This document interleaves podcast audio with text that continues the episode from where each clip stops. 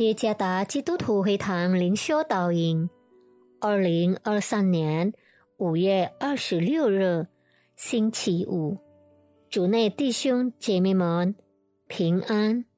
今天的灵修导引，我们会借着圣经诗篇二十五篇二十一节来思想今天的主题：正直诚实。作者董玉娜传道。诗篇二十五篇二十一节，愿纯全正直保守我，因为我等候你。在家庭生活中，我们所强调的一件事，就是当犯错误的时候，最好坦诚的承认，而不是为了遮盖错误而撒谎，因为最终。错误还是会被发现的。我们渴望家中的每一位成员都勇于坦诚认错，不为所犯的错误撒谎，必须道歉，并且不再重犯。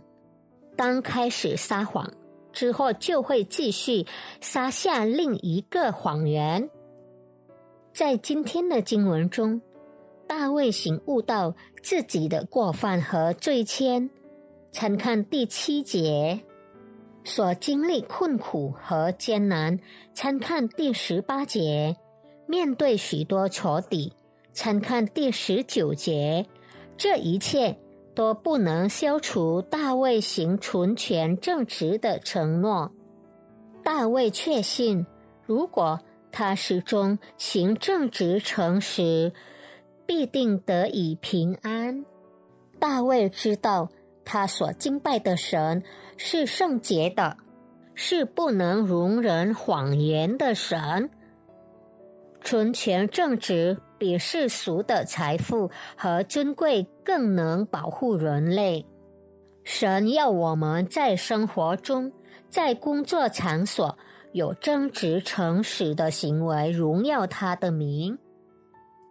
在这个世界上，有很多事情会让我们无法纯全正直，因此容易动摇我们忠心为神而活的承诺。请记住，无论我们遇到什么困难、挑战或诱惑，神都要我们过一个纯全正直的生活。我们必晓得，神赐给我们的工作必须按照神的道去做。与神有美好的关系，将使我们能够正直诚实的工作。愿上帝赐福大家。